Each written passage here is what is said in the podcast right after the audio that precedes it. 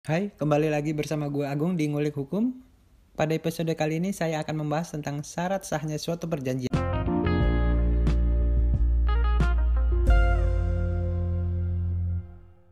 Syarat sahnya suatu perjanjian diatur di dalam Kitab Undang-Undang Hukum Perdata, tepatnya di pasal 1320. Di dalam pasal tersebut disebutkan ada empat syarat untuk sahnya suatu perjanjian. Yang pertama adalah adanya kata sepakat bagi mereka yang mengikatkan dirinya. Dengan sepakat dimaksud bahwa kedua subjek yang mengadakan perjanjian itu harus bersepakat setuju mengenai hal-hal pokok dari perjanjian yang diadakan itu. Apa yang dikehendaki oleh satu pihak juga harus dikehendaki oleh pihak yang lainnya. Dua, kecakapan para pihak untuk membuat suatu perikatan. Orang yang membuat suatu perjanjian harus cakap menurut hukum. Pada asasnya setiap orang yang sudah dewasa atau akil balik dan sehat pikirannya adalah cakap menurut hukum. Menurut pasal 1330 Kitab Undang-Undang Hukum Perdata, orang-orang yang dinyatakan tidak cakap adalah mereka yang belum dewasa, Berarti mereka yang belum berusia 21 tahun atau belum menikah, sebagai contoh seorang anak yang baru berusia 8 tahun tidak dapat membuat perjanjian untuk dirinya sendiri. Berada di bawah pengampuan. Seorang dianggap di bawah pengampuan apabila ia sudah dewasa, namun karena keadaan mental atau pikirannya yang dianggap kurang sempurna, maka dipersamakan dengan orang yang belum dewasa.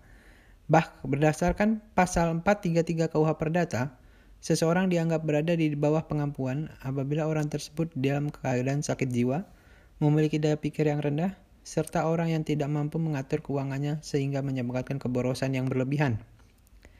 Dan yang tiga, suatu hal tertentu.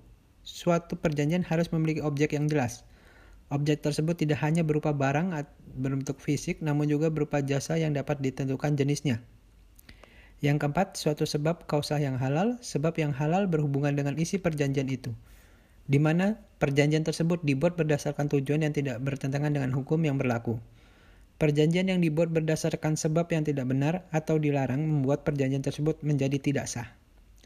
Sebab yang tidak halal adalah sebab dilarang oleh undang-undang, berlawanan dengan norma kesusilaan atau ketertiban umum, nilai-nilai kesusilaan atau dan ketertiban umum sendiri ditentukan berdasarkan nilai-nilai yang dianut oleh masyarakat di mana masyarakat tersebut dibuat. Contohnya, dari perjanjian yang disebabkan tidak halal adalah ketika seseorang melakukan perjanjian untuk membunuh orang lain. Hal ini dikarenakan membunuh orang lain dilarang oleh undang-undang, sehingga perjanjian tersebut menjadi tidak sah.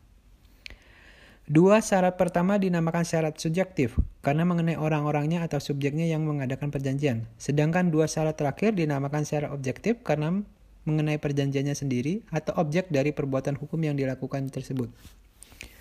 Bagaimana jika syarat-syarat tersebut atau salah satu syarat tersebut tidak terpenuhi? Jika suatu syarat subjektif tidak terpenuhi, perjanjiannya dapat dibatalkan. Salah satu pihak mempunyai hak untuk meminta suatu perjanjian itu dibatalkan jika syarat objek objektif tidak terpenuhi, perjanjian itu batal demi hukum, artinya dari awal tidak pernah dilahirkan suatu perjanjian dan tidak pernah ada suatu perikatan. Demikian penjelasan gue tentang syarat sahnya suatu perjanjian. Sampai jumpa di episode selanjutnya. Terima kasih.